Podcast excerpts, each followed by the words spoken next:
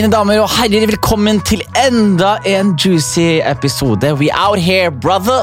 Jeg har booka en gjest nå, så jeg har hatt lyst til å booke i veldig veldig mange episoder. Så dette her blir jo en fryd. Jon F. Olsen heter han. Eh, Han er også på, på Twitter under pseudonymet Buffert Fusk og, og skriver smart og mye om narkotika. Eh, Og jeg har ikke lært meg. Eh, Jeg er jo en fyr som ikke har så mange meninger om ting, så alle meningene jeg har, har jeg på en måte fått fra et sted. Og jeg tror at de fleste meninger jeg har om narkotika, har jeg vel fått fra, fra denne personen her. Eh, Veldig, veldig smart person, og vi deler jo entusiasmen eh, droga begge to, så vi, vi snakker jo selvfølgelig masse om det. Eh, Så, så dette her er en svært narkotung episode. Så hvis du er, har null interesse av narkotika, så hadde jeg ikke hørt på denne episoden her. Eh, men det har du ikke, fordi du er en Jew eh, som liker juice i. Så dette her blir da en eh, informativ episode om alt mulig rart, og jeg skal ikke holde dere igjen. Jeg vil bare si, folkens, slå hodet i veggen og, og si noen stygge ord til eh, noen dere er glad i. Og buckle up, buckaroo, Jon F. Olsen for the world!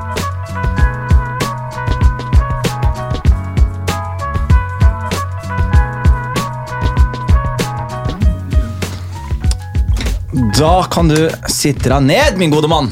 Ok, Tar av munnbind. greit da. Tar av munnbind. God damn. Det er lenge siden jeg har sett deg.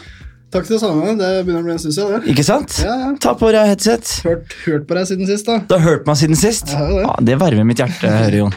Skal bare stappe meg langt vekk, sånn.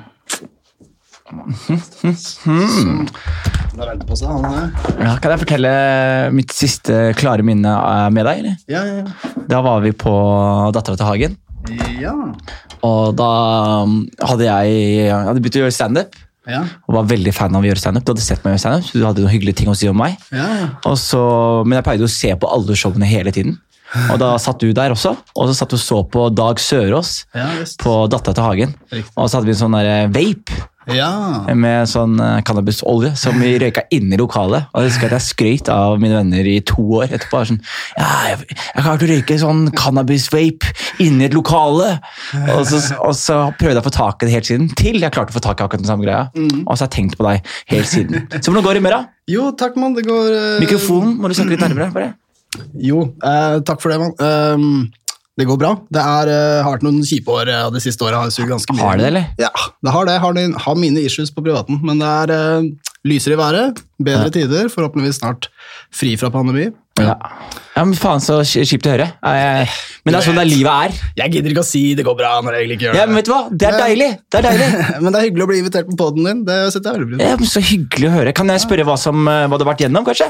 Eh, nei, altså det er et samlivsbrudd, da. Samlivs- Så, så det var trist. Men, the eh, usual suspect. og så har jeg lenge før det prøvd å få meg en litt bedre karriere. altså Slitt litt på den jobbfronten. Hjalp ikke med korona, nå søker jo alle jobber. Ja, Så nei, det er sånne ting. Litt sånn seige voksengreier. ja, ikke sant. Var det, var det samboerskap, eller var det kjæreste? Det var ekteskap. Ekteskap? Yeah, så du har vært gjennom formell sånn skilsmisse, eller? Ja, separasjon først. Du må vente litt, og så blir du skilt. da. Hvis ikke du gjør Å ja! Det, er, det, er det like stress som man tror det er? Eh, det er jo det er litt sånn, Samlivsbrudd suger jo, det kommer jo an på hvor ille de er. Men eh, det er en ekstra sånn formell ramme da, som du må gjennom. Ja. Ja, Håper det blir høyt nok. Ja. Eh, ja, nei, Det er litt ekstra stress. Litt sånn formelt. Du må ha med staten inn i bildet. Hadde advokat, eller? Nei, vi har ikke trengt det ennå. Dere er, dere er kule såpass kule på det, liksom? Ja da, vi, vi er greie, vi. Og så har du kanskje ikke så mange ting å gi bort heller. Nei da, vi er ikke sånn voldsomt uh, bemidla folk. Eller, er- det, er fordi, si? det, er, det er noen som sa det så godt, det er kompiser som skilte seg også. Så sa jeg sånn, hadde du advokat? Så sier han, jeg hadde hatt advokat hvis jeg hadde hatt noe jeg eide. Hva skal du ta halvparten av gjelda mi, liksom? Det går fint. Advokat er dyrt. Det er det, det er det. Er det. Ja, men Så kjipt å høre. Så jeg håper det går bedre med deg. Det gjør det, altså man, det gjør det. det går- Jobbfronten er også veldig rar for alle. Ja, det er, og mange er permittert. Jeg er i jobb, altså jeg skal ikke klage altfor mye. Det, det kunne vært bedre. Ja. Hva er det du, på en måte, Jeg kjenner deg som ekspert på, på, på rus. Ja, men hva annet er det du gjør og er interessert i å gjøre? Jeg er, eh, altså Akkurat nå så har jeg en konsulentstilling i, i handel- og kontornæringen. Eh, jeg har ikke lyst til å si så mye om den, men det er, eh, ellers så er jeg jo skribent da, og Ja. prøver å skrive litt. Det begynner å bli en stund siden det funka så bra. Men eh, skriver mye om rus, eh, skriver om sosiale tabuer. Da blir det også om graffiti. Holdt nylig et foredrag for Nasjonalmuseet om graffitikulturen. Åh, Det passer Det er- perfekt det her. Altså. Jeg hadde jo, jeg hadde jo Fela på besøk For noen nice. episoder siden, og, og snakket vi mye om tagging. Ja, ja. Og jeg er jo veldig fan av tagging, men jeg klarer ikke på liv og død å argumentere hvorfor. Jeg syns at tagging er en positiv ting. Er ikke du som er skribent her nå, på en måte drop some knowledge her? Ja, eh, kan vi prøve. Altså, hvis det er noe som er kult med tagging, så handler jo det om at det er en eh, subkultur som er motkulturell. Den gjør rett og slett litt opprør, så folk følger sine egne regler. Og det ideale er jo litt kult. Alle liker jo en som på en måte styrer seg sjøl. Ja. Så er det jo på en måte eiendomsretten står litt i veien. Da. Alle eier ting de ikke vil at folk skal skrive på. og sånn. Men eh, det er fortsatt noe litt kult med folk som da på en måte tar seg til rette. Hvis det er kult, da. Så er Ja. det det. ja, fordi her er greia. Jeg tenker jo at tagging er kult. Og jeg ser eh, T-banebombing og tenker oh, du kom kommer unna med det. Digg. eh, og så ser jeg, jeg så eh, en statue her en dagen som noen hadde tagga 'fuck Simen' på. Og så var jeg sånn, ok, det er ikke kult. Eh, og i hodet mitt så er det sånn der, hvis dere spicer opp noe som trenger spicing, altså en grå vegg eller en eh, kommunal blokk eller en jævla fuck NSB, eh, altså hvis det er et eller annet sånt, så gir jeg langt blaffen i det, men når man begynner å tenke på, på hyggelige ting, så er det sånn, det trengte du ikke å gjøre. Nei. Og i hvert fall ikke skrive fuck Simen. Nei, og det er et veldig godt poeng der. Altså, det er ikke, graffiti hører kanskje ikke hjemme alle steder. Så burde man kanskje ha mer av en debatt om hvor det ikke skal være. Det er uh, uformelle regler om at det ikke skal være på statuer, kirker, privat eiendom. Men det, det overskrides jo hele tida.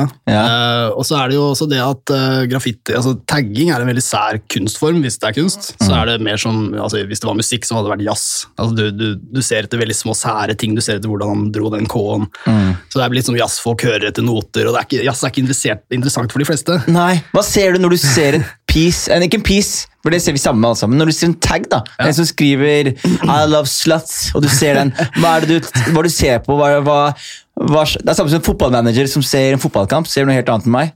Kanskje. Hva ser du når du ser I love sluts? altså For det første så vet jeg jo med en gang hvem du snakker om. Ja. Altså Det er jo et miljø som er lite, som man er sånn oversikt, og man sladrer og man er veldig opptatt av hverandre. Ja. Uh, men jeg ser jo også på uttrykket og hvordan det er løst. Uh, hvis det er gjort med tusj, så er det én ting, men spray særlig, da, så ser du at uh, du ser veldig fort om folk har lagd en, om det er første taggen eller den titusende. Ja. Du kan se etter en viss føring. Og så er det også de løsningene, altså hvordan du har valgt å skrive den og den bokstaven. Så det er mye sånn typografi, litt sånn kalligrafisk, litt sånn nerding, egentlig. Ok, nå tagger jeg bare, jeg pleier å kjedetagge, så tagger jeg alltid navnet mitt, og det er, jeg har null tegnetalent. Ja. Uh, men eh, ok, nå skriver jeg Jonis her. Det var ikke så ille. rate, rate to Jonas. Jeg, jeg, jeg tagger i hvert fall, Husk at jeg tagger 1000 stykker av de her. Ja, nei, du, uh, hva skal jeg si, det er, det er nybegynnergraph. Det er nybegynnergraph. Si det. Ja. Det er, For eh, det er sånn tjukke linjer og ja, og det er litt sånn der, eh, løsningene er litt sånn urutinerte, hvis du skjønner. Ja. Uh, men nei, den er fin. Den, O-en ligger bak J-en, litt sånn der overlapp der som er interessant. Ja. Det er sånne ting jeg Ja, ser. Sånn du ser, ja. Ja. Spennende. Ja, men Gøy. Og hva, hva er som er aktuelt liksom i taggverdenen i Oslo? Er det noe som er aktuelt? Nei, altså det er jo Hvis det er noe, så er det vel at det har kommet et nytt vekterselskap, og de er voldelige. Er de voldelige? De er voldelige. Er de back, eller? Det er, noen av de er back. Noen Er det de, de russerne som de henta på, på 2000-tallet? Som var- banka folk på T-banelinjene? I hvert fall én russer. Ja, nei, det er eh, i hvert fall noen av de, jeg er usikker på hvem, men de drev og gratulerte hverandre på Facebooken da de fikk denne kontrakten på, på, med Ruter, eller hvem det er. Kødder du nå, eller? Ja, Voldelige folk? Back in town? ja, altså vi vet jo, det kan jo være mange nye i denne gjengen her. Selskapet heter Vectrocon, eh, og de, altså, de har allerede brukket armer, altså de har vært ganske brutale. Brukket arm? Ok, Kan du bare fortelle? I hvert fall én arm, ja, om det er flere er jeg usikker Hva skjedde da? Uh, nei, altså Det er folk som har blitt uh, pågrepet eller jaga når de har malt graffiti på om det var T-banestasjonen eller rundt der, og så ble de tatt av vekterne, og så ble det juling. Og da ble den julingen til at armen brakk. Det, jeg, jeg misforstår meg ikke, men jeg tenker sånn Nei, De er sikkert sterke, de her. vet du. Det er ikke Securitas-vakter. Nei, det var vanskelig å si Ja, for Hvis jeg hadde blitt stoppet av Securitas og fått bank, så tror jeg ikke jeg hadde sagt noe til vennene mine. Jeg tror jeg var sånn der, Nei, jeg fikk bank av en gjeng! Fikk jeg bank av, Ikke av en kirsebærpoliti, liksom. Ikke sant? Og så er det jo det at du har jo vært en skurk, så du anmelder det jo ikke heller til politiet. Så de slipper er unna det. snitch! Ikke sant. Er noe Så de slipper, de slipper unna Jeg, vet du hva? Jeg, jeg har tenkt på det lenge, faktisk. Jeg er ikke noe snitch til jeg må være en snitch. altså, hvis, hvis for eksempel sånn, Jeg har kompiser som Jeg har en kompis da, som sonet for en annen kompis. Det. Fordi han var sånn, ja, han ble tatt med andre kompis ble tatt med noen greier. Eh, politiet mistenkte han andre, så han måtte sone for det. Det. Og endte opp med å ta dommen for han. Son- Sona i fire måneder. Det er kompis, det. Ja, jeg tenkte sånn Jeg hadde sonet for en kompis i to uker. Bare fordi to uker er, Det er lættis å være i fengsel i to uker, tenker jeg. Mm, ja. Men jeg hadde ikke sonet en dag lenger. Og jeg hadde ikke bare hadde snitcha, jeg hadde detaljert forklart hvordan det var kompisen min, og ikke meg. Og det er ikke kult. Og det har jeg fått tenkt på i det siste. Jeg er en snitch. Uh, ja, nei, Eller ikke, jeg er ikke snitch, men jeg hadde ikke, tatt, jeg hadde ikke sona for noen. Sone for noen er ganske heftig, da. Ja. Den henger høyt, liksom. Jeg tenker Så lenge jeg kan si sånn Ain't my business, Nei. så tar jeg den approachen. Men hvis det blir min business, så snitcher jeg. Ja. og så må det være med hvor mye den du snitcher på, på en måte fortjener det òg, da. Jeg Ja. tenker også sånn, Hvis noen på en måte banker opp eller liksom dreper kompisen din, skal du liksom ikke si til politiet hvem det var, hvis du vet det. De burde få straff. right? Mm. Ja, Men i graffitimiljøet der er det vel null policy. Så i hvert fall når det kommer til, å, til pisser og maling og sånn. Ja, er, Du skal aldri tyste på noen måte. Det er et miljø som er livredd for det, eller som på en måte dømmer alle hardt hvis de bare blir mistenkt for det. Ja, for det er jo sånn der, Jeg hørte jo om, eh, hørte jo om han som fikk den bota Ja. på vegne av hele crewet hans. Ja, Og det skjer jo flere ganger. det gjør det. Men da, det, da får de gjeld på et par millioner kroner, og så er det rett inkasso, så er du evig gjeldsslave. Ja, det syns jeg er ganske drøyt at det kan skje i en norsk rettssal. Altså, hvis ikke du kan bevise at han har gjort alle de tingene du dømmer ham for, så burde ikke han få erstatningskrav heller. Ikke sant? Men er ikke, er ikke Norge litt sånn rar på altså, Er ikke Norge en av de få landene som kan arrestere folk på indiser? Ja, det, det, blir, det blir dommer på indisier. Jeg er ikke noe jurist, men det, de er visst flinke på det. Er ikke det helt sykt å gjøre? Jo, jeg syns jo det er litt rart, men i noen saker er det vel alt man har, da. Ja, og jeg tenker, men jeg tenker samtidig sånn der, eh, Logisk sett, så for eksempel, du har jo den der ene eh, den der OJ Simpson-saken. Mm. Hvor det er helt tydelig at OJ har skutt Helt tydelig altså. at han har skutt henne. Og så er det bare If it doesn't fit, you must acquit. Og så er det et helt sånn teatershow for å på en måte eh, Dere har ikke noe håndfast bevis på at han har gjort det. ikke sant? Eh, og, og heldigvis så på en måte er vi ikke så teite i Norge at det hadde skjedd. Eh, men vi er jo helt altså Jeg vet jo om folk som sitter inne. Jeg vet om en fyr jeg kjenner som sitter på glattcelle nå. Sitter der i et par måneder. Mm. Eh, kanskje riktig fortjent, riktignok, men fortsatt helt sinnssykt å sitte i varetekt uten dom Ja, ja. i flere måneder. Ja, og glattcelle er jo tortur, holdt på å si. Altså, Det er jo det. et sterkt ord, men det er det. Er det ikke det? Jo. Det er kritisert internasjonalt Norge for det mange ganger, så vidt jeg vet. Ja, er det ikke? Og så menneskerett eh, altså, Jeg har hørt at folk som på en måte tar opp varete, altså barnevernet vårt og glattcella vår til, til menneskerettigheten støtt og stadig. Ja, Norge taper jo det, barnevernet. Jeg så det. Ja. Det er skjær. Har du vært, hatt noe barnevern å gjøre før? Nei, ikke sjøl, har ikke barn og har hatt en fin oppvekst. Du hadde fin og- Ja. Det er veldig, jeg, jeg hadde også en fin oppvekst, men jeg vet om på en måte, mennesker jeg kjente som u, ikke ville være hos barnevernet, men som ble tvunget inn til barnevernet. Ja. Eh, og det var bare, altså De vant rettssak mange år etterpå mot barnevernet, men det var helt sånn sykt hvordan de bare blandet seg inn, og eh, på en måte på mistanke så skulle liksom ødelegge oppveksten nå.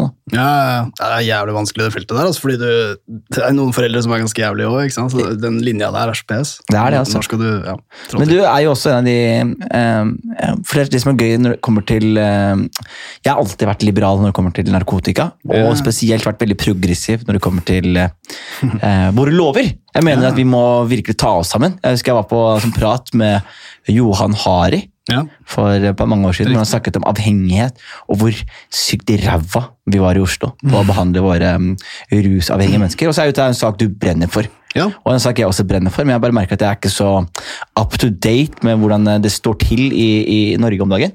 Nei, nei jeg, jeg skjønner det. Jeg kan gjerne ta litt om det. Kan du ikke gjøre det? Eh, Jeg har jo, vi har jo en podkast om dette her også, som vi snakker om rus eh, hele tida. Ta så Plugg podkasten, hva heter Ja, ja, podkast om rus heter den. Veldig, Podkast om rus? Jepp, veldig deskriptivt navn. Holdt på en stund. Og bare Snakker dere om ett drug da lenge, eller? Eh, noen episoder har vært sånn, men veldig ofte er det updates om ting som har med kulturen eller politikk å gjøre. Ja, ok, men da har dere fått en ny abonnent. Eller abonnent, i hvert fall for meg, og så regner jeg med at det er veldig mange av lytterne her. Som, mange av mine juice som kommer til å Ja. høre eller, Jeg kaller lytterne mine juice fra nå.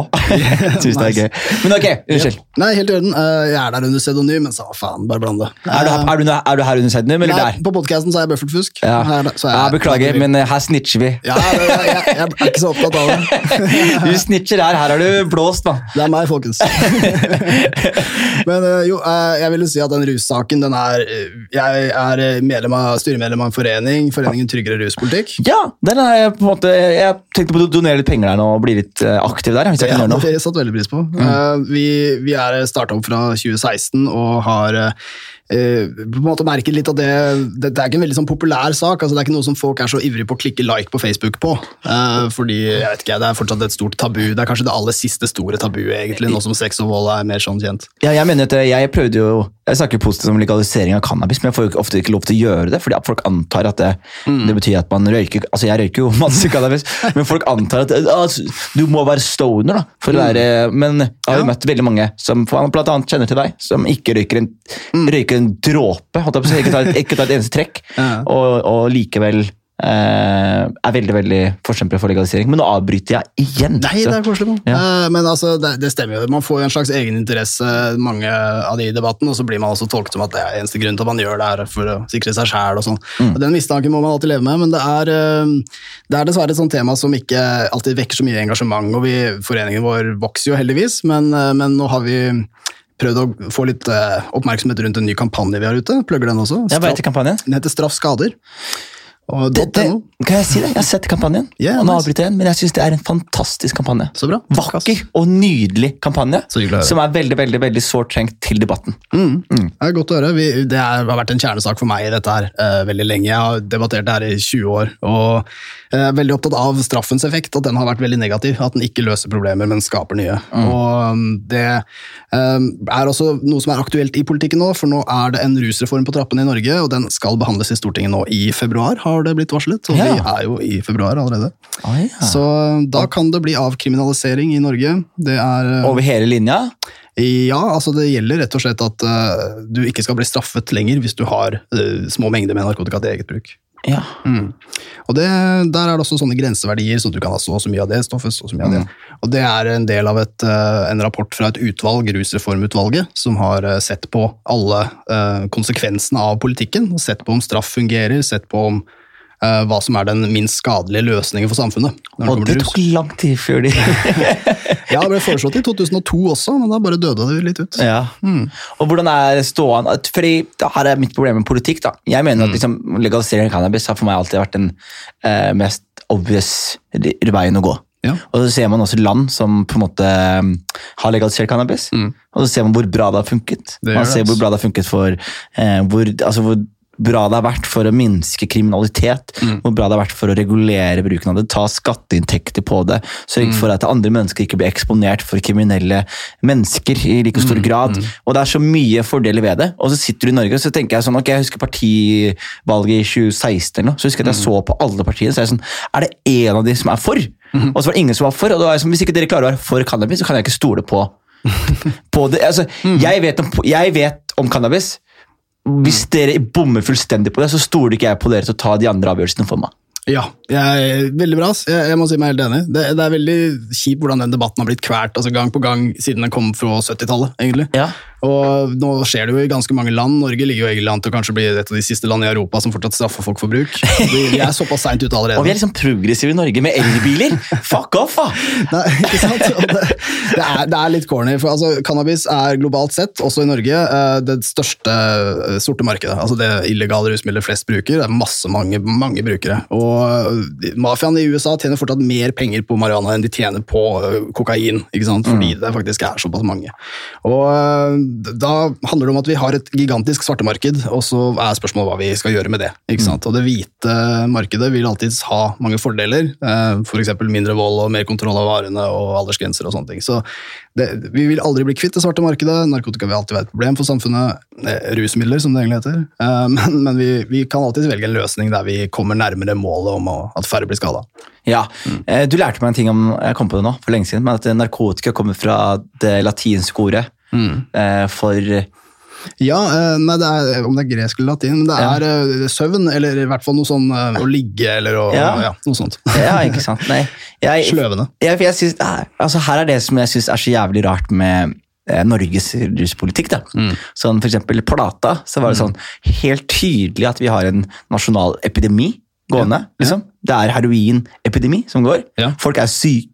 Dette er, er de vanskeligstilte menneskene fra hele landet som reiser ned til Plata og møter andre vanskeligstilte mennesker. Yep. Og blir behandla som faen meg et bønder i et sjakkspill. Blir flytta rundt av Olav Thon vil ikke ha de der, han, fordi det minsker verdien av tomta hans. Ja, det stemmer. Så de jaga de. De jager.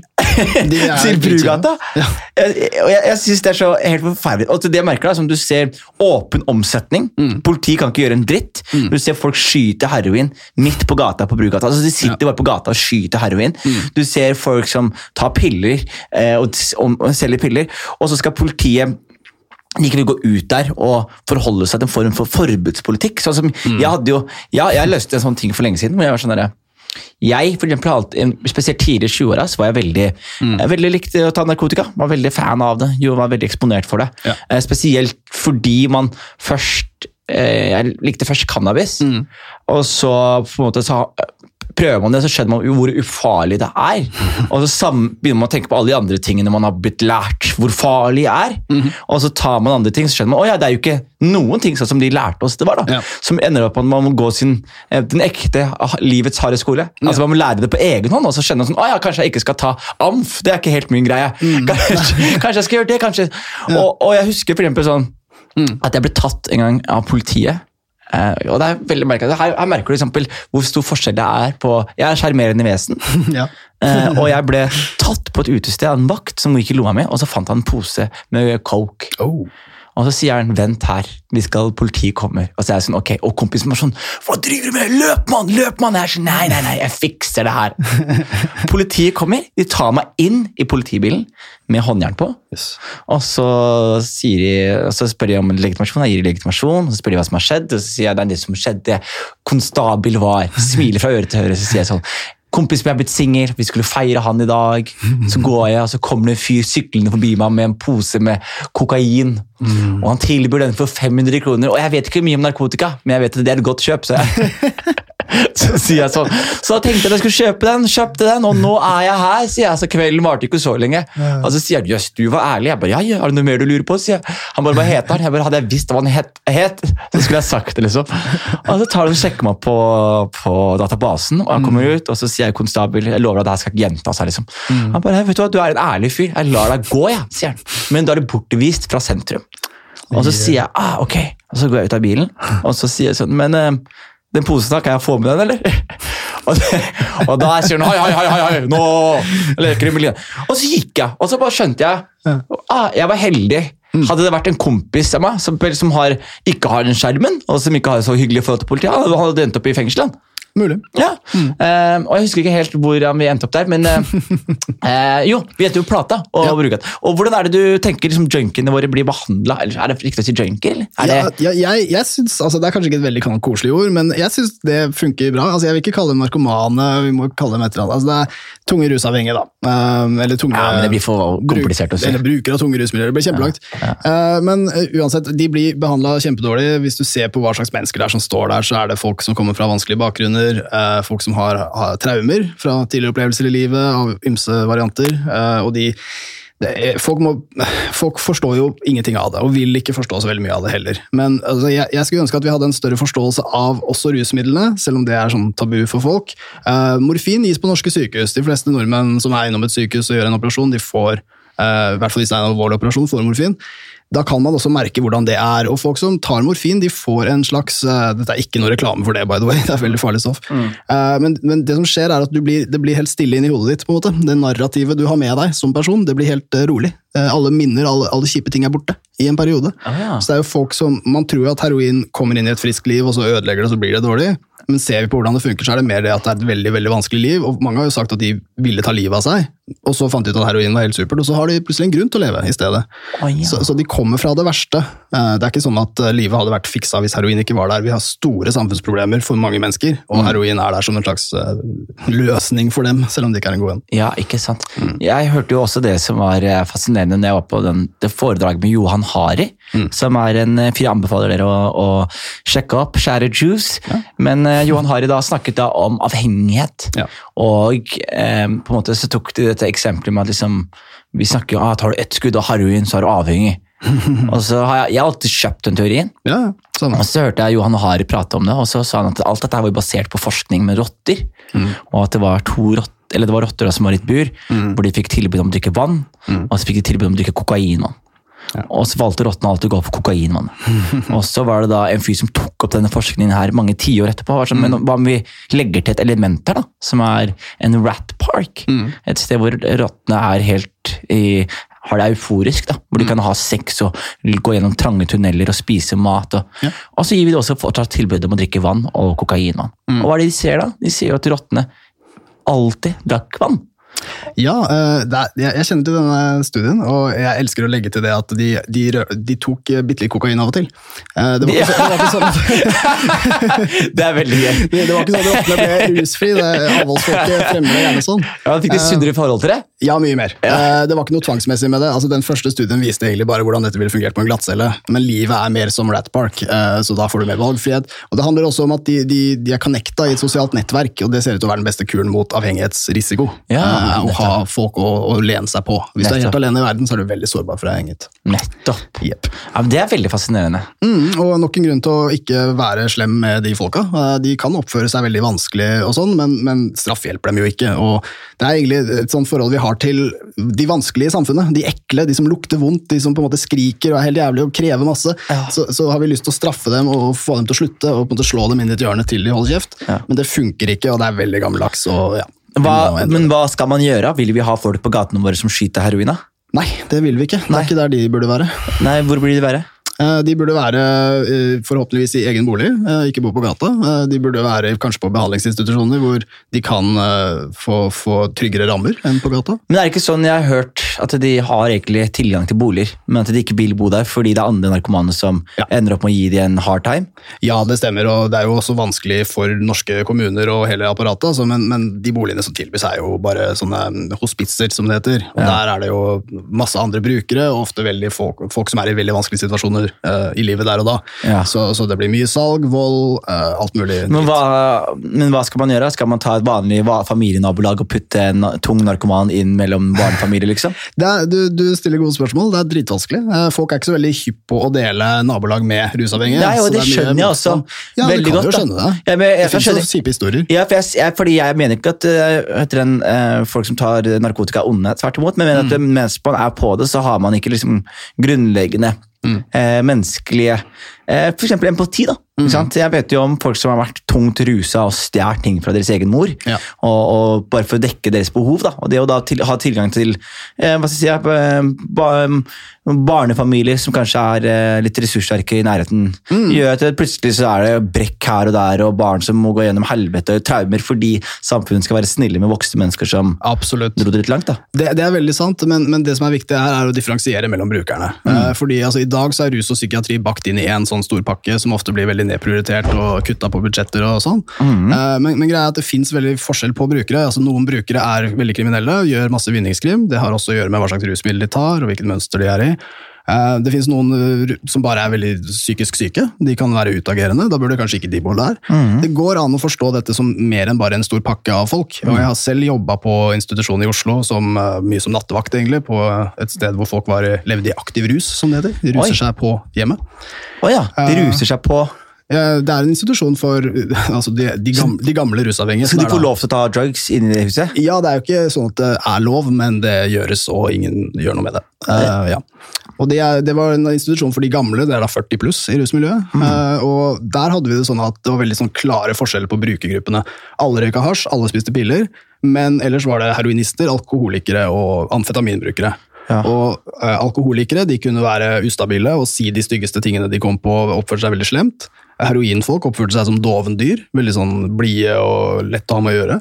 Eh, amfetaminfolk kunne snakke høl i huet på deg, sånn at du blir kjempestressa. Ja. Eh, De kunne snakke som om det, det var som den filmen Speed. Hvis du slutter å snakke, så sprenger bussen. de er kjemperedde, de kan ikke slutte Ja, å ja, snakke. ja. Det, er- det er meg, det. Bare helt enig. Så, men ikke sant, Det er forskjellige grupper, og, og hvis vi bare sier rusavhengige, så høres det ut som altså Vi kan tolke dem i verste mening som om alle er gærne, alle er utagerende, men, men veldig mange av dem er ikke det. Og, og det fins måter å regulere det. Jeg personlig har veldig gode forhold til heroinavhengige. Eller Mm. i den forstand Jeg hadde en nabo som var tungt heroinavhengig, Mm. og, og han- han røyka mye bønne. Eh, Så vi pleide, og jeg pleide, han, han pleide å banke på døra mi for bønne, jeg pleide å banke på døra hans for bønne. Liksom. Eh, eh, og det jeg merka da, var sånn der, Han fortalte meg sånn Jeg husker en gang så kom til meg i, i en vill rus. Og da bare var det sånn, «Nei, du har vært så jævlig snill med meg. Så? Og så ga han meg liksom en pose, og så åpner jeg posen, så er det masse piller. Så masse, pill, masse piller. Oi. Og så sier jeg, hva er det her? Så sier jeg, jeg har sjekket ut på Google. og så sjekka vi på Google, og så er det sånn, det er schizofrenimedisin. Hvordan har du fått tak i dette her? Oi, oi. Ah, jeg visste ikke det, og dagen etterpå så hadde han ikke peiling på hvor han hadde fått tak i det, eller hvordan det hadde skjedd. da. Så det er veldig gøy, det er men det er veldig uforutsigbart. Men jeg vil heller være i nærheten av folk som tar heroin, enn alkoholikere. Ja, alkoholikere kan være vanskelig å ha med å gjøre. Ja, og så Eh, og så kan de være litt ustyrlige. Ja, og, og ja, eh, veldig sånn slemme. Altså, jeg har på en måte sett alkoholikerpar drive og dra i hverandre og skrike. og på en måte, Det, det er noe med alkohol som, som kan lokke fram det verste i oss på en veldig interessant måte. Er det ikke rart hvordan vi aksepterer det? Og, og på en måte alt andre er nei og fy og skam. Eh, mens liksom alkohol, nei, det, det har vi alltid gjort, og det gjør vi på en måte her. Ja, jo, jeg, jeg tror det er en anerkjennelse av at mennesker trenger noe, at komplett rusfrihet virkelig ikke passer for de aller fleste. Eh, men, men alkohol har jo også en, en lang og solid arv, som påpekes gjerne hele tida når vi snakker om det. Og, og når den krigen mot narkotika ble starta på 60-tallet i USA, så var jo også alkohollobbyen med i den prosessen. Så det er jo klart at det er jo positivt å kuppe hele rusmarkedet. Ja. Eh, men, men samtidig så er, det jo, er jo alkohol noe som har vært populært i flere hundre år. Vet du alt som har vært populært i flere hundre år? Voldtekt og plyndring. Men vi slutta med det, håper jeg. Ja, de første, det stemmer. De første sporene arkeologisk etter cannabis er 10 000 år før Kristus. Ja, er ikke det fra vet dere, eh, der ute i Irak? Babylonerne? Jo, om det var der, ja. Uh, jeg tror kanskje det kan stemme. Ja. Ja, de de hadde sikkert drittdårlig weed, ass. Ene, hvis jeg husker det rett, så var det sånn at det ene funnet så mente de at det var forskjellige typer weed, og at det var det første, første funnet som bekreftet at de hadde grodd det for å bli rusa. Ja, I like it. Men jeg, jeg altså, Her er det her som jeg Jeg hadde en debatt med, med noen folk, og så sier Og jeg bare sånn, jeg skjønner ikke hvorfor samfunnet vårt skal moderere noe som helst, eller ha synse om noe som helst, eller si 'dette får du ikke lov til, og dette får du lov til å gjøre', eller hva faen. Så de sier sånn, hva mener du, skal vi legalisere alt, eller? Så sier jeg ja, legalisere alt. Folk tar jo alt de vil uansett, liksom. Eh, men eh, hva, deg, eh, og du som er så opptatt, opptatt av det, hva er ditt ideelle samfunn? Eh, sånn ruspolitisk sett. Ruspolitisk ideelt samfunn. Ja, nei, du, uh, det, er, det er veldig bra spørsmål, altså, fordi det, jeg tror det varierer veldig. Altså, land er forskjellig, kultur er forskjellig. så Hvis jeg tar Norge, da, så har vi uh, Vinmonopolet, som jeg syns er veldig bra. Det er jo ting som kunne vært bedre. Jeg syns de er litt konservative. Kunne vært flere avdelinger og litt åp lengre åpningstider og sånn. -huh. Men, men bruke den modellen her, sette flere rusmidler inn der, kanskje til og med ha noe kvoteordning eller noe sånt, sånn at man kan regulere forbruket på den måten. Eh, ha med testing for enhet, tips fra fagfolk, alt mulig sånt. Folk på en eller annen måte kunne utforske de positive sidene av eh, sine rusbehov, eh, som de åpenbart har siden så mange drikker. Men skal vi da på en måte ta høyde i at Altså, skal vi da altså her er, Skal vi la mennesker da ta selv avgjøre hvor farlig det er for de, på samme måte som de avgjør selv hvor mye sprit de ikke skal drikke?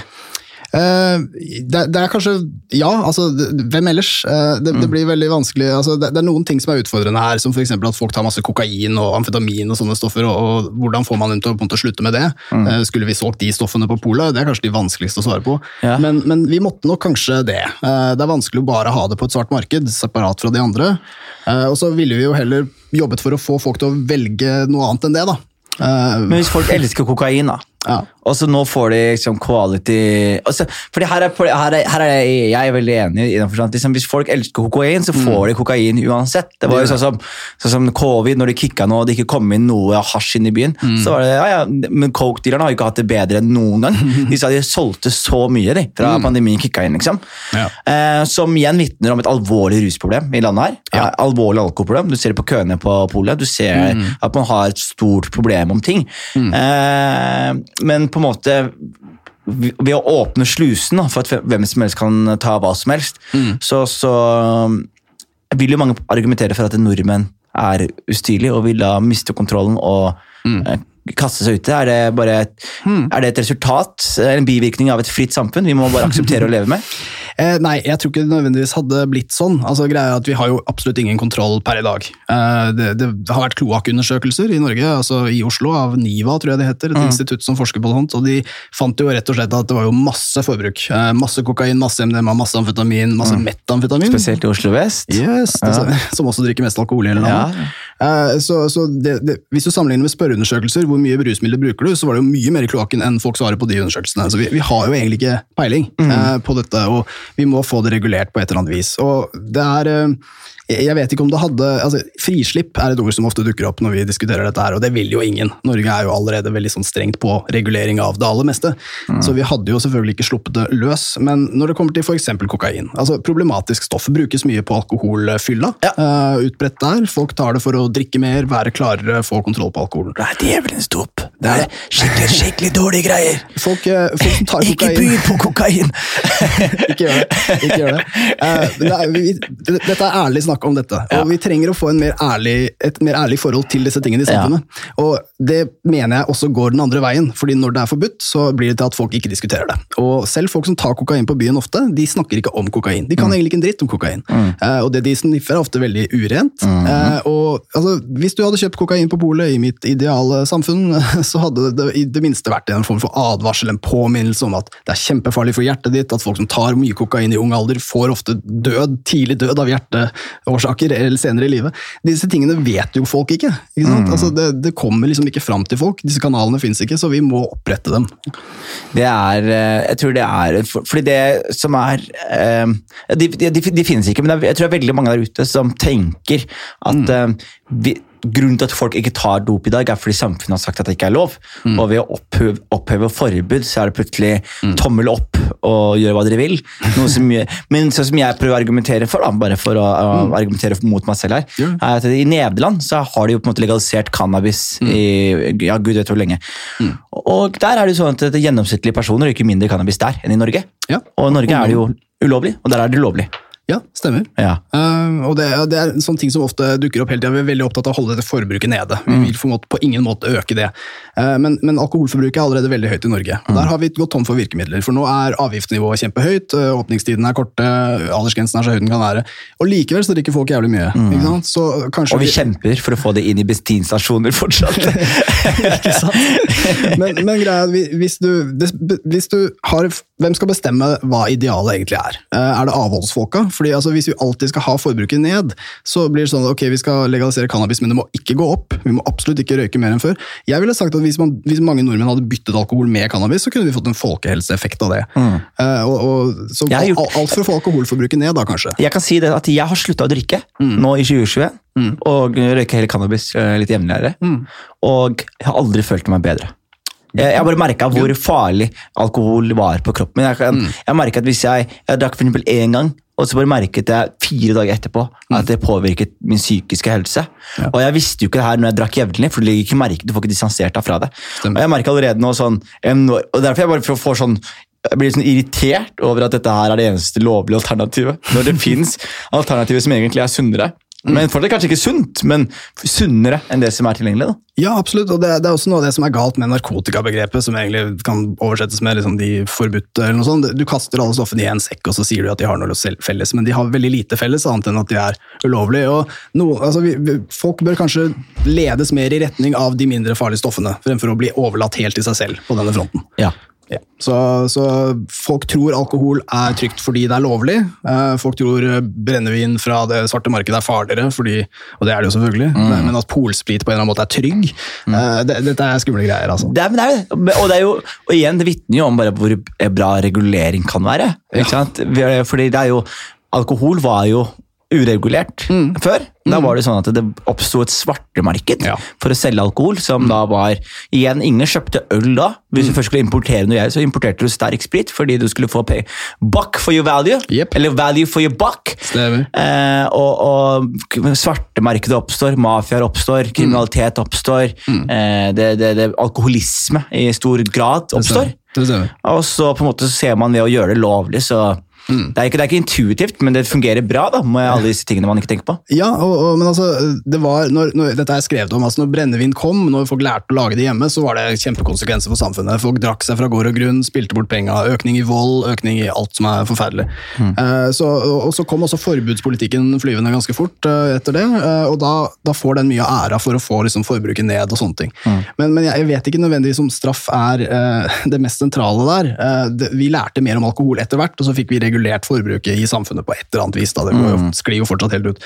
Men eh, nordmenn har veldig tro på loven. Det er en veldig viktig del av det der med at vi tror det er bra fordi det er lovlig, og dårlig fordi det er ulovlig. Eh, det, altså, straffeloven er ikke en slags sånn eh, bok du skal sjekke før du går ut døra. Er det lov for meg å gå på butikken? Ok, da kan jeg gå. Den skal egentlig være sånn der en nød, nødmanual. som Når naboen din slår deg, så kan du gå etterpå og vise til han ser det er forbudt. Nå ringer jeg politiet, og så tar politiet fighten for deg, så slipper du å slåss med naboen fordi du har betalt skatt. Ja. Så er, altså, Straffeloven skal ikke handle om hva som er greit for deg å gjøre, det skal bare handle om hva som absolutt burde være forbudt for alle. Ja. Og, og er det hardshaking? Altså, er det de forbrytelsene som ikke har et offer annet enn utøveren selv? Mm. det er der disse lovene har sneket seg inn på en litt underlig måte, og det at du kan få lovens strengeste straff for å smugle narkotika, at folk får nesten 20 år i fengsel for å smugle hasj, det er helt absurd. Jeg, jeg, jeg, det, er- er helt, det er helt enig. Det er helt absurd. Jeg vet om drapsmenn som har sona mindre enn eh, narkosmuglere. Ja, og, og en annen ting Eller jeg er vet ikke om, herregud, hva slags nettverk tror jeg har. Jeg kjenner ingen draps... Eller jeg kjenner faktisk okay, uansett. Man kan få omtrent de samme straffene, så noen kan få mer og noen kan få mindre. Så En hasjsmugler kan få det samme som en drapsmann. Eh, Et annet eh, poeng der er at hasjsmuglere ofte er ganske fattige folk. Det er ikke sånn at det er sånn high class type geskjeft. Eh, Og det, det jeg har hørt fra folk som har sona, for jeg snakka med noen av de, det er jo at de sitter i fengsel og så ser de folk komme inn og ut, fordi de har sånn tolvårsdommer. Og så kommer hvitsnippkrimen inn, og han har tre år. Og så kommer han som har banka masse folk, og han har tre år, han òg. Og så kommer voldtektsmannen, han har fire år. Og du ser alle disse folka komme og gå. Alt du har gjort, var at du kjørte en lastebil med hasj inn i land. Og det, og det som er helt sinnssykt med det også, er at jeg tror ikke politiet helt tenker på Fordi de prøver jo å avskremme folk fra å importere, da. Eh, men så ser man jo sånn som Jeg vet jo om eh, folk Altså jeg kjenner jo folk som har kjørt narkotika over landegrenser. Og alle de har til felles at de var blakke som faen den tiden der. Og så er det veldig sånn tydelig gulrot. Ok, Kjører du bare den bilen her fra A til B, så får du 40 000 kroner. Ja. Og så har de inkasso på 15 000 kroner og skylder en annen sur albaner i 15 000 kroner. og det er problemet løst da, med en kjøretur og en sjanse de er villige til å ta. Og så på en måte så eh, Hvis de blir tatt, så, så blir de behandla som om de er bakmennene. Ja. Mens det er jo Cappelen Gjermund Cappelen sitter eh, til Bærum og tjener hundrevis av millioner på at idioter, sårbare idioter kjører bilen fram og tilbake. Mm, noen må kjøre den bilen, og det er aldri de som får, uh, får den store slumpen av pengene. Og det er Uh, vi, vi har også et system som gjør at man aldri får tatt disse bakmennene. Sånn. Det fins en sånn strek, hvis du er over den streken, så blir du aldri tatt. Jeg, kjør, jeg hørte om en fyr som skulle kjøre en gang, og da spurte han fyren som eh, skulle han sa du må velge. Og skal du være en sjåfør eller oppbevarer?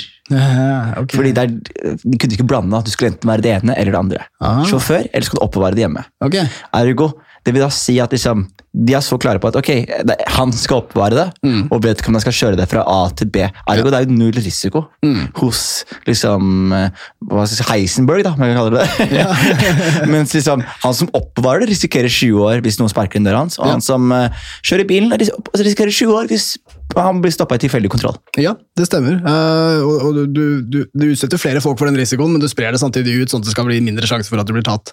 Uh, det, er, uh, det er en greie med at rusmidler er forbudt, som også på en måte gjør at det hele dette apparatet oppstår. ikke sant? Eh, og en annen ting jeg, jeg har vært fascinert av, er at det finnes et sånn eget marked for folk som altså I Norge så er det selvfølgelig forbudt å bruke, men, men du kommer aldri i fengsel for kun bruk. Men da må det være bruk og besittelse. Du må Ja, ha med den, ikke sant? Bruk og besittelse. Yes. Er forskjellen? det er samme greia. Jo, fordi det fins noen som aldri besitter. Eh, Det fins et slags marked hvis du drar på eh, danseklubb, holdt på å si, da, rave-type setting. Så vil det være folk som kjøper piller på danseklubben. Ja. Og de koster dritmye, de pillene. For da har han som selger det, fått betalt for hele risikoen pluss oppbevaringa pluss alt sammen. Og de som tar det, de tar det fra lomma hans og rett i munnen, og så har de aldri vært i besittelse. Da har de maks få skyldig en bot eller noe sånt i stedet. Ja, ja, ja, ja, ikke sant. Ja. Så, så, så dette er jo et helt apparat bare for å jobbe rundt alle disse greiene. Jeg var på Villa en gang eh, med en kompis av meg. Da rava vi Ja. og, og hadde det egentlig veldig gøy. Og så er jeg på do, og så eh, når jeg skal ut av pissoaret, så møter jeg kompisen min, og han har, eh, han har en litt eh, MDMA på seg. Så han gir meg bitte litt, så tar jeg bitte litt, og så er jeg i veldig godt humør. Og så går jeg ut av dassen, og jeg går ut av dassen, så ser jeg to sivilpolitifolk som går rundt inni Og det er så gøy med de sivilpolitifolka, de er kledd som en hvilken som helst vikarlærer Ja, ja. på en klubb hvor alle sammen har på seg meg Altså, de er så dårlige. Ja. Jeg så en som skulle kle seg som en, en som skulle kle seg som en narkoman, og så var det som om han gikk i kostymelageret til NRK. Var sånn, har dere noe eh, narkomanklær, liksom? Så skal jeg bare De sto utenfor toalettet, og så ser jeg de er på vei inn i toalettet, og så sier jeg til kompisen min Psst! Bausch kommer! Han, han er jo norsk gutt. Han sier ah, 'Tusen takk skal du ha, Jonis'. Og hva gjør han? Jo, han bare tar alt i kjeften. Oh. Ja, det, men det var, det var eh, en forsvarlig mengde. Ok, nice. Tar alt. Politiet kommer, og så får han lættis, og så sier han 'Dere er for seine', sier han. 'Jeg har tatt alt'. så sier han Så jeg går ut, ja, så kan vi late som jeg ikke har sett dere, og dere har ikke sett meg. Uh-huh. Og så, Hva skal de gjøre? De har jo ikke noe å ta ham på. Så han var kongen av det utestedet der, liksom. Ja, ja. Det er faktisk en veldig morsom story. Fordi, altså, de, de kunne jo på en måte tatt han inn for å på en måte, ja, din frekkas, Ja. nå skal vi ta deg. Men, men du kommer ned på stasjonen med null i lomma. Altså, jeg skjønner, I verste fall så har jeg det gøy i glattcelle. jeg skal bare pisse. Han, han vant den. Jeg skal bare pisse, jeg kommer tilbake om to sekunder. Null stress. Back. Ja. Så dere, det er jo helt feil. Altså, det jeg tenker på som er litt synd for politiet, Ja. er jo at uh, veldig mange av disse politimenneskene som jeg møter, de er jo ikke engang for forbudspolitikken. Nei, jeg syns nesten litt synd på akkurat det. Jeg er sikker på at det finnes masse bra folk i politiet som Ja. ser det jeg ser. Og så er det jo også litt rart at det, man for eksempel, Du ser hele den svenske tilstanderdebatten, og vi har ikke nok politifolk. og Ja. vi, har, vi trenger flere politi på gatene. Og så er det samtidig at det, disse politifolkene må gå rundt og sta- jage småbrukere og småbesittere og småfolk. Og det er ikke noe rart at man ikke da har Hva tenker du om liksom Ja. eh, ja, rett og slett ressursbruken? Ja, Den er jo helt håpløs. Det, det koster jo masse masse ressurser som kunne vært brukt på bedre ting, som de gjerne sier. Når de snakker om eksempel graffiti, så sier de alltid det. Disse pengene kunne vi brukt på noe bedre. Ja. Og det gjelder også, altså, Forbudspolitikken er veldig dyr, og vi får veldig lite igjen. Uh, og jeg er sikker på at mange politifolk også ser at, det er, eh, at det, den rammer veldig skjevt, den politikken vi har. Altså, i, På østkanten i Oslo så er det langt færre ungdom som røyker hasj enn på vestkanten, men de har mye større sjanse, over dobbelt så stor risiko, for å bli arrestert for det. Og Det er fordi at de bor i mindre leiligheter, de, de er mer ute, eh, de er mer eksponert. Eh, De har rett og slett bare færre steder å gjemme seg enn på vestkanten. Ja. Og, og, så jeg er sikker på at mange ser det. altså Det er jo ikke rettferdig, dette her. Eh, Det Lovverket er ikke regulert for disse forskjellene som åpenbart fins. Og, og ressursbruken altså vi, vi har jo, Politiet i Norge har masse historier med at de kan henlegge saker med kjent gjerningsmann. sånne ting. Det er jævlig kjipt når vi vet hvor høyt narkotika blir prioritert. Norsk narkotikapoliti er en egen gjeng med egne ressurser, kjempehøye. eh, høyere lønninger enn andre politi. En slags politielite innad i politiet som får veldig mye prioritering. Jaha. Og det, det syns jeg er ugreit. Jeg syns det er sykt ugreit. det. Ja. De er også aktive i debatten. Norsk Narkotikapolitiforening, f.eks. Ja, ok, for det, neste spørsmålet er da, hvem er antagonisten i hele denne rusreformen? Uh, ja, antagonisten, eh, de som på en måte har fått den på plass, eller? Nei, de som, de, oi, sorry, rusreformen. Ja. De, hvem er det som gjør kampen din vanskelig? Hvem er din store fiende? Hvem er det, du, hvem er det du provoserer deg mest over, som er sterk stemme på andre siden av debatten? Eh, for min del så blir nok det f.eks. de politi... Altså fra Norsk Narkotikapolitiforening. Norsk Narkotikapolitiforening? Ja, NNPF. NN, åh, det hørtes ut som den verste gjengen. Det Eh. hørtes seriøst ut som en gjeng. Åh, om Dratetrynet var en organisasjon, så hadde det vært det der. Hva kalte du det? NP? NNPF. NNP? Åh, så wack navn nå. De har holdt på lenge. Eh, dette er eh, For meg er det bøllesnut. Jeg vet det sikkert er unyansert, men det er altså Det, det handler om eh, Unyansert er det ikke fucking. ja, Jeg liker politi, nå fant jeg ut hvem av politiet jeg ikke liker. Og det er NNPF, liksom. Hver gang jeg hører noen jeg kjenner har for blitt politi, så er jeg veldig opptatt av hvilken avdeling jobber du i.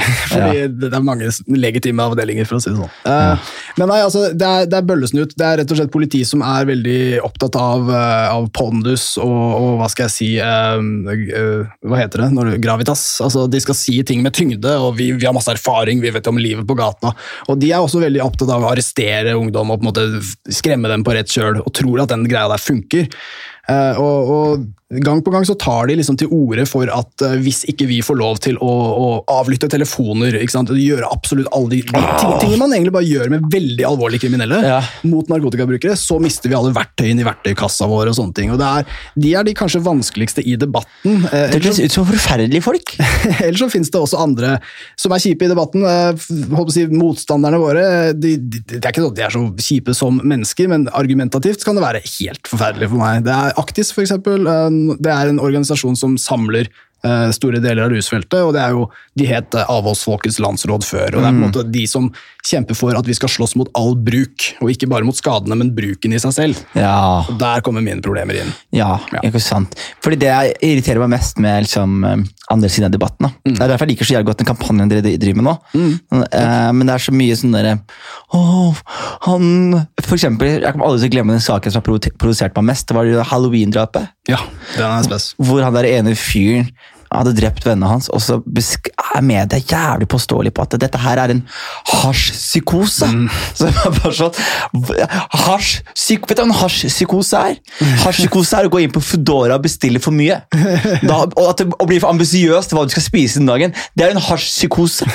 En hasjpsykose er ikke å drepe vennene sine og skrive blod på veggen. Eller Nei, Gud. Nei, det, altså, det, jeg må bare legge til at det, det fins det, det finnes muligheter for at du kan trygge en psykose, men da er du veldig psykotisk fra før. Ikke? sant? Altså, det er ikke sånn at Ja. cannabisen gjør det, får dette til å skje. Det er eventuelt liksom dråpen som får begeret til å flyte over. Jeg har sagt før, så jeg er enig i det. Bare så det er sagt, at jeg, jeg tror at det, eh, hasj kan utløse psykose, men jeg tror hasj kan utløse psykose på lik linje som en film på kino kan utløse en psykose. Ja, og rusmidler er i stor grad eh, psykosefremkallende i, i noen grad. Da. Og alkohol er mer enn cannabis, for eksempel, når du sammenligner disse vilkårene for det.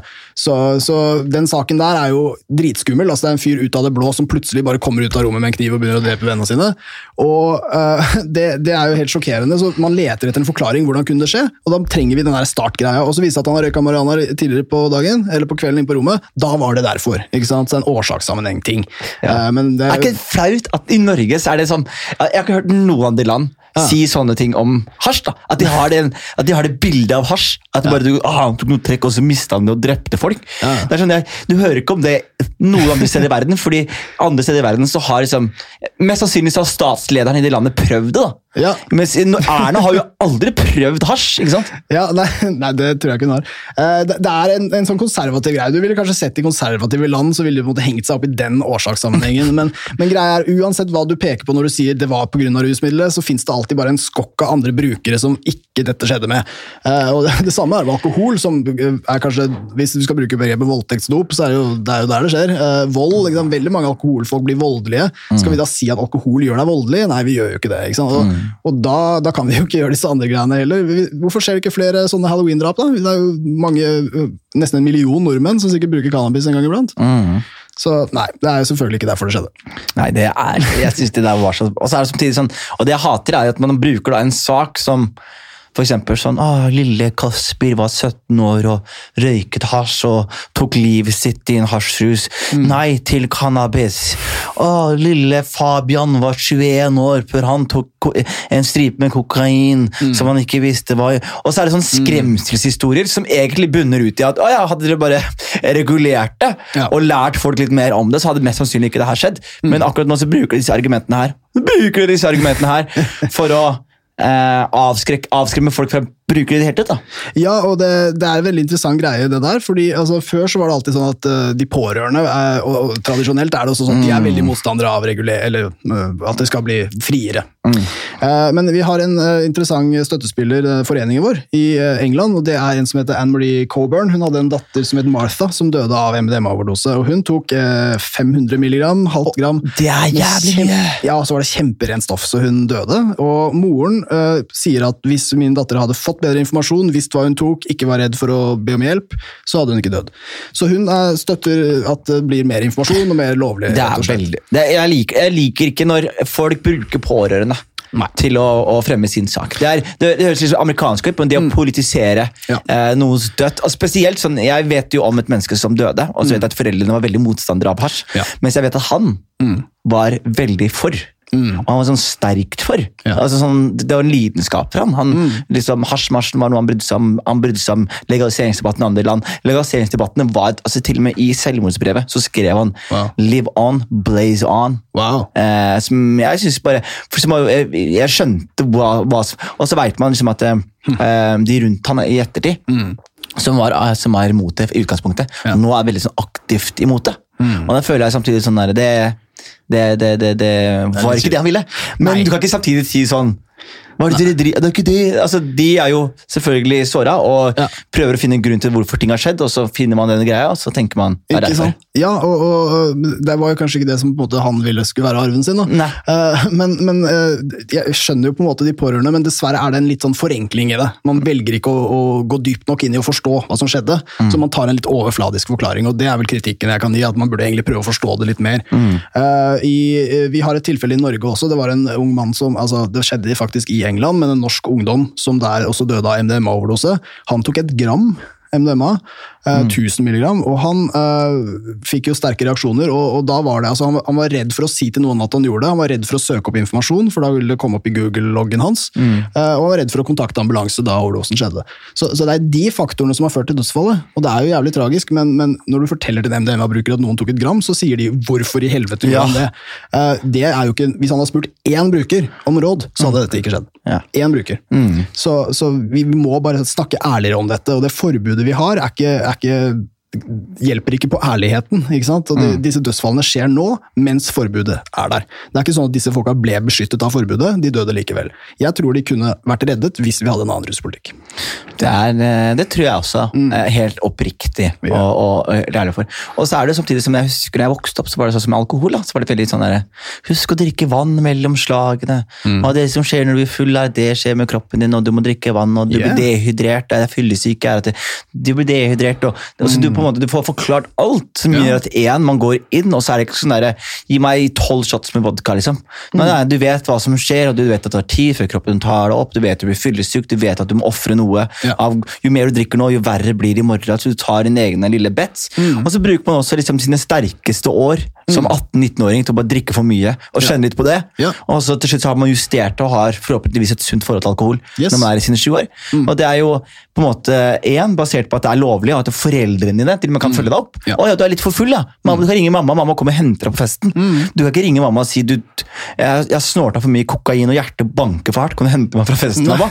Kan kan du gjøre det, liksom? Burde, burde kunne, men Burde kunne! Burde kunne. Ja, nei, vi, vi har, altså, det, Med de ulovlige stoffene så blir man avhengig av det som kalles en gatekeeper. altså Noen som kan introdusere deg for det. Noen Ja. som kan på en måte holde deg i hånda gjennom hele opplevelsen. Sørge for at det går bra med deg. Eh, og Folk har jo trippsittere. Når de tar sopp og syre, så, så skal det sitte en person der og nå går alt bra, slapp av. Uh, men, men Noe av det her må gjøres på privaten, sikkert. Men vi har et nettsted som heter rusopplysningen.no, så jeg plugger det også. Det er et sted hvor du rett og slett kan lese om hvert enkelt rusmiddel. Vi har vel om ti stykker, tolv stykker. Og der kan du se uh, de rangert etter avhengighetspotensialet, skadevirkning. Uh, det står rett og slett hvor mye folk pleier å ta. Eh, hvis du skal gjøre det, så gjør det sånn og sånn.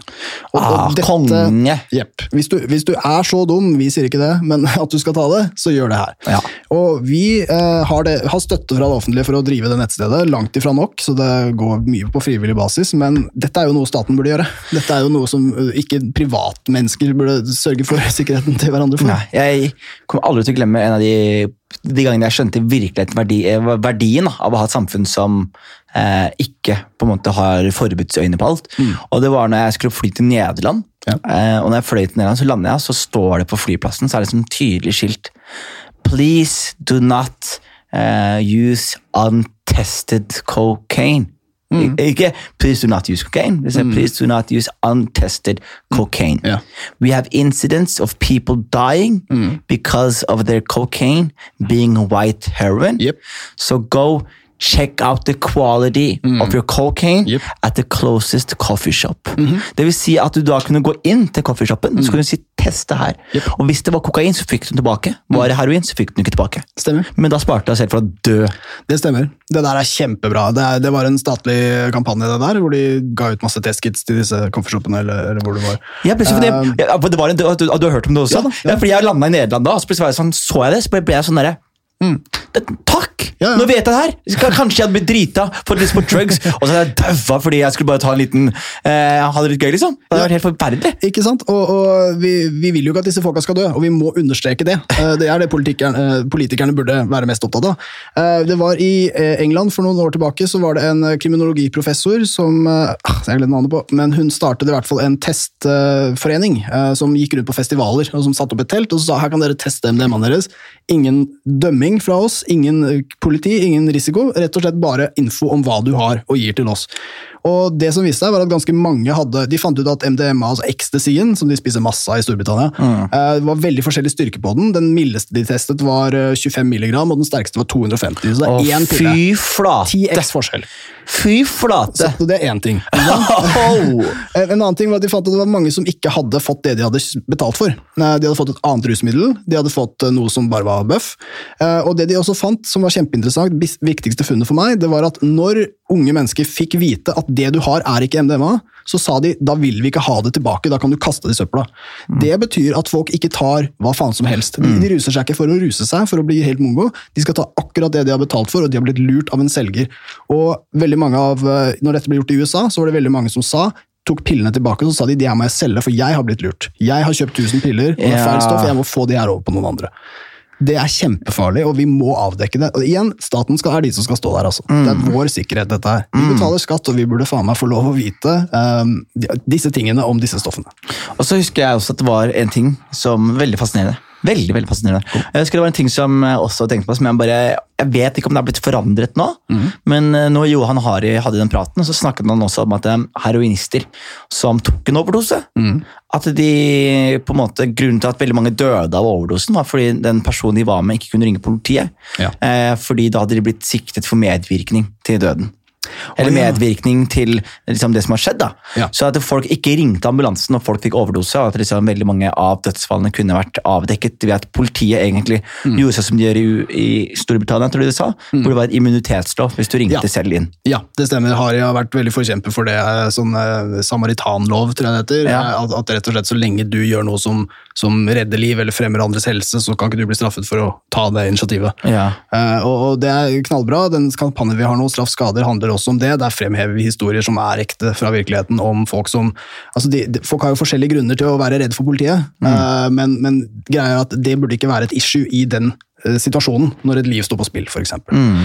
Så, så jeg vet ikke om du I Norge tror jeg ikke du kan bli siktet for måte, medvirkning til Nei. eh, drap, men, men folk er jo redd for politiet, og igjen, dette er en gruppe med masse traumer, Ja. så de burde jo egentlig bli behandlet med silkehansker, og så blir de behandlet med det helt motsatte. Men hva skjer hvis jeg nå, hvis jeg deg nå sitter her og tar, eh, kjøper masse piller og popper det, og så plutselig så får du en, du begynner å boble ut av kjeften din, og jeg får panikk, og jeg ringer politiet, politiet nei, ambulansen, ambulansen henter deg. Ja. Så må de selvfølgelig ringe politiet, ambulansen. Ja, de må vel det. De er ikke en sånn protokoll. Eh, Vi, vet kanskje ikke nok om dem, men eh, det er i hvert fall si ja, politiet kommer, Men i hvert fall, eh, hva, hva, hva, hva, kan, hva kan politiet Har de, har de lov til å på en måte ta meg for noe her? Uh, nei, altså, de, greia at du ville heller bare fått et slags sånn søkelys på deg, at de kanskje ville sjekka deg litt, eller noe sånt. Jeg tror det, Mye av frykten for de si, som er der i øyeblikket når sånne alvorlige ting skjer, er nok mye det. At de har narkotika på seg, at de er rusa, at de frykter en natt på glattcella. De kan være livredde for, for store deler av dette her. Eh, så, så juridisk ansvar tror jeg ikke de har sånn veldig mye av, men igjen, uh, kommer politiet, det som skjer er at du kan få bot, du kan måtte sove på stasjonen, de kommer uansett til å ta narkotikaen din, og igjen så kan hende du har hatt veldig vonde erfaringer med dem før. Ja. Så det er de tinga. Og hva mener du vi bommer mest på? Altså, hvis vi, du jobber jo aktivt med det her, men hva er altså, Du sier hva er det som skjer nå i februar? Eh, nei, da skal Stortinget altså Da har regjeringen, eh, etter hva jeg har skjønt, laget et, eh, et um, lovforslag eller, eh, til endring i loven som har med dette å gjøre. Eh, og så skal det legges frem for Stortinget, sånn at de partiene på Stortinget skal da se på det, diskutere det og stemme på det. Er forbudseraen over? Det er vanskelig å si. Det er, vi har egentlig fått signaler hele veien for at det her skal bli godtatt eller vedtatt i Stortinget. Eh, Men det har også vært eh, Arbeiderpartiet har vært på vippen, og de er ganske store. Eh, Frp er motstandere, Senterpartiet liker å holde kortene litt skjult. Og, og til sammen så kunne de kanskje klart å felle den, men, men nei.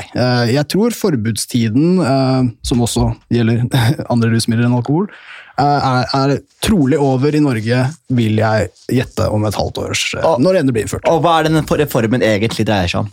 Eh, Den, den dreier seg om at du ikke skal straffes. Altså, eh, når du i dag blir tatt med, med rusmidler av små mengder, så får du bot. Eh, og hvis det er lite, så får du et forenklet forelegg. Men det er en straffereaksjon. Og målet med straff er å skade og ramme den som blir straffet. Og vi ser at straff ikke fungerer, så derfor er heller målet at eh, hvis du blir tatt etter reformen, så vil du i stedet for å få bot, så vil politiet ta stoffet fra deg, og så vil de skrive ned navnet ditt, og hvis det skjer flere ganger, så kan det hende du må, må komme i et møte med f.eks. sykepleier, psykolog, litt sånne ting, som de gjør i Portugal. litt Ja, sånn modellen er. Ikke sant? Og det, som også er fascinerende når du nevner Portugal, var at jeg husker en ting som jeg så for eh, Igjen, Johan Hari. Alt, eh, alt jeg kommer, kommer tilbake til den praten med Ja, Johan Hari. Johan Hari. fin fyr. Var han ikke det? Jo, jo, Syns det han, han snakket jo også om disse eh, heroinistene i Portugal, og hvor fungerende de var. Ja. Og liksom at folk dro på jobb og skøyt heroin. Og så, så skjønte jeg jo bare, og så så jeg også på denne bak fasaden nylig med Kadafi Saman. ja, det var bra. Veldig fin. Mm. Og det som var fascinerende, her var at de viste meg igjen der at å ja, det går jo an å ta heroin og ikke være på plata. Ja. Det går jo an å det er, jo, det er jo sykt mange altså De fleste heroinister er jo ikke på plata. Nei, stemmer. Det stemmer, altså. Og det glemmer man! Man tror at alle som tar heroin, heroin henger utenfor Gunerius. liksom. Ja, Nei, det er, det er det, det mest eh, stigmatiserte stoffet av alle, selvfølgelig. Er, men de tilhører en eh, helt spesiell klasse av stoffer, altså disse opiatene, som er veldig viktige for medisinen når du skal drive og skjære i folk og sånn. Før det så brukte vi jo kloroform og eter og alkohol og sånn, det var helt jævlig. Ja. Så vi trenger jo disse stoffene i samfunnet, men hvis du tar dem for å ha det gøy, eller hva en grunn måtte være, så blir du avhengig i den grad at hvis du ikke tar dem etter en viss stund, så blir du syk. Altså du får, Abstinensen gjør deg rett og slett veldig, veldig syk. Ja.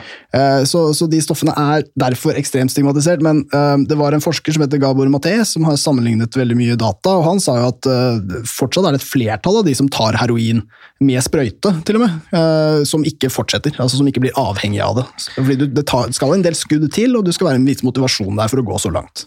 Shit, Mm. altså. Jeg syns det er helt sykt, det. Ikke prøv det. Ja, ja det, det skal da. det Jeg har planer om å prøve det når jeg er pensjonist. Da, da, skal, da skal jeg få legen til å skyte. Jeg skal ha sånn evig sånn så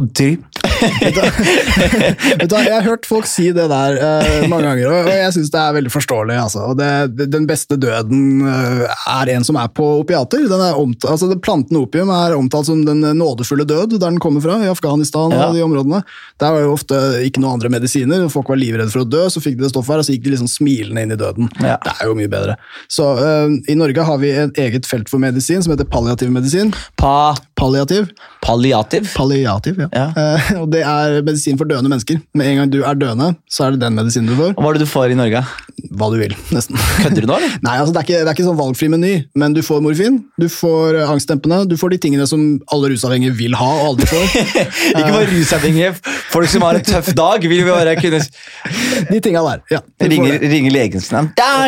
Og det, det, det å kunne i hvert fall tilbringe sine siste dager i en varm, myk seng, trygg på de stoffene der, er ikke den verste måten å gå ut når det først er over. Å, fy flate. Det er veldig gøy. Så ringer legen. Skulle ikke du dø for fire år siden? Så er det sånn I guess not. Fake døden sin for sånn femte gang. ja, men så gøy. Ja, veldig spennende. Jeg synes det er veldig spennende med, med rusreformen. Mm, eh, og så, vet dere, en, eh, så, det, så det jeg tenker bare i hodet mitt nå, så det som du kanskje sier til meg nå, er at jeg, fra og med februar Mm. så kan jeg kanskje gå gatelangs på en joint. Nei, altså det må, det må stemmes over, og så må det innføres og sånn, men det, om et år kanskje? eller noe sånt? Og da kan jeg, da kan jeg røyke joint i parken. Eh, altså, du, du vil ikke få straff når du blir tatt for å gjøre det. Altså, det er ikke lovlig. Det, Hva, er, men hva betyr det? det, det betyr, altså, dette er en vanskelig ting for folk, eh, så det er bra du spør. Altså, fordi det kommer fortsatt til å være ulovlig, men ikke straffbart. Og, og Så det er dass på lanken, liksom? Ja, altså, de, de, de tar stoffet fra deg og skriver det navnet ditt og sier 'fy deg'. Ja, noe sånt. Og hvor skal det navnet? Hvilket register skal det navnet? Det skal inn i de som ble tatt med hasj i parken-registeret. Og og så, det, ok, og så, på en måte, så stikker de, og så ruller man det på ny, og så kommer de tilbake. Og Ja. Navnet ditt da hadde Målet mitt hadde vært å Jeg står der 17 ganger, eller, sør? Altså, Politiet kommer til å fortsette som før. De kommer til å fortsette å prøve å finne ut hvem er det som solgte deg dette her. Ja. Eh, komme seg oppover, prøve å få deg til å tyste på de. Alt det fortsetter, men Ja. du får aldri bot. Du får aldri fengsel for bruk eh, frem, fremover. Vil ikke det da på en måte gjøre at de politiet automatisk ikke kommer til å bruke like mye ressurser på det? Eh, Det kan godt hende. Jeg håper jo den reformen kanskje medfører litt mer eh, skjønns, smarte skjønnsvurderinger fra politiet om rus. De vil spare ressurser på det, helt eh, åpenbart. Men ja, det er rett og slett å det er viktig å få med det her at eh, i Norge så har vi sluttet med det som heter gjeldsfengsel. Det er ikke sånn du må sitte i fengsel fordi du får så mange bøter. Og Er det ikke det fortsatt lov til å gjøre? Egentlig ikke, Eh, men det skjer likevel på en måte. eh, Og det er via bøtelegging for narkobruk. Fordi Man sier i Norge at du må ikke sone for bare bruk, men bruk og besittelse må du faktisk sone for. Og det er egentlig mye det samme. Så hvis du blir tatt av politiet la oss si fire ganger på et år Det er helt sjukt at du kan, bli, at du kan få fengsel hvis du ikke har brukt opp stoffet ditt. ja, altså, men, i- per i dag, Hvis du blir tatt eh, fire-fem ganger på et år, så får du bøter samla opp, kanskje 30 000 eller sånn. Og så Etter hvert så får du ikke betalt de. Da får du fengsel fordi du ikke kunne betale boten. Du får velge mellom bot og fengsel. Da blir det fengsel. Uh, og da, De folka som blir dømt til det fengselsstraffen, de har aldri stått foran en dommer. De har aldri vært i retten og fått sin dag der. Oi, ja. uh, og det er ganske kjipt. Er ganske spesiell sak. Oi, Kan du havne i fengsel uten dom? Eller uten, det, uten, uten, rett, uten å ha vært i retten? Det blir en dom fordi boten blir omgjort til fengselsdom. Eh, Så du trenger ikke en dommer for det. Og eh, Det blir det slutt på hvis russerformen blir innført, fordi da vil ikke de bøtene samle seg opp. Det du i stedet vil få, er masse sånne møter du kanskje ikke vil være med på, hvor de bare forstår deg i hjel og driver og spør Jonis, hvordan går det egentlig med deg? Hvorfor Ah. røyker du så mye hasj? sånn, kan jeg ikke bare, kan jeg ikke bare sone to uker? Kan jeg ikke bare, bare send meg inn i Bastøy, jeg koser meg Nei, da der. har vi fjerna det alternativet. Hvis du vi forstå deg i hjel.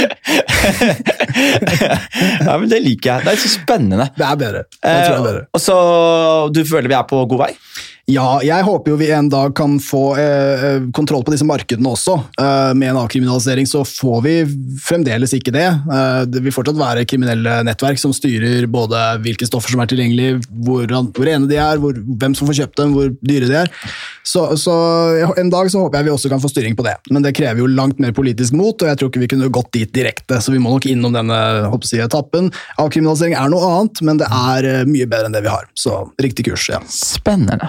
Da kan du få avslutte med å dra noen plugs og shoutouts. Du har jo et par ting du eh, jobber med aktivt her. Ja, ok, fett. Uh, Shout-out til Foreningen Trygge ruspolitikk, leder Ina Binanger og Dagfinn Hesten Paust. Shout-out til min uh, podkastmaker Per Ståle Honning, som holder seg med pseudonymet sitt. Eh, ellers bare stor shout-out til graffitimiljøet i Oslo, til uh, Bandcall O Frode, til eh, min kompis Audun.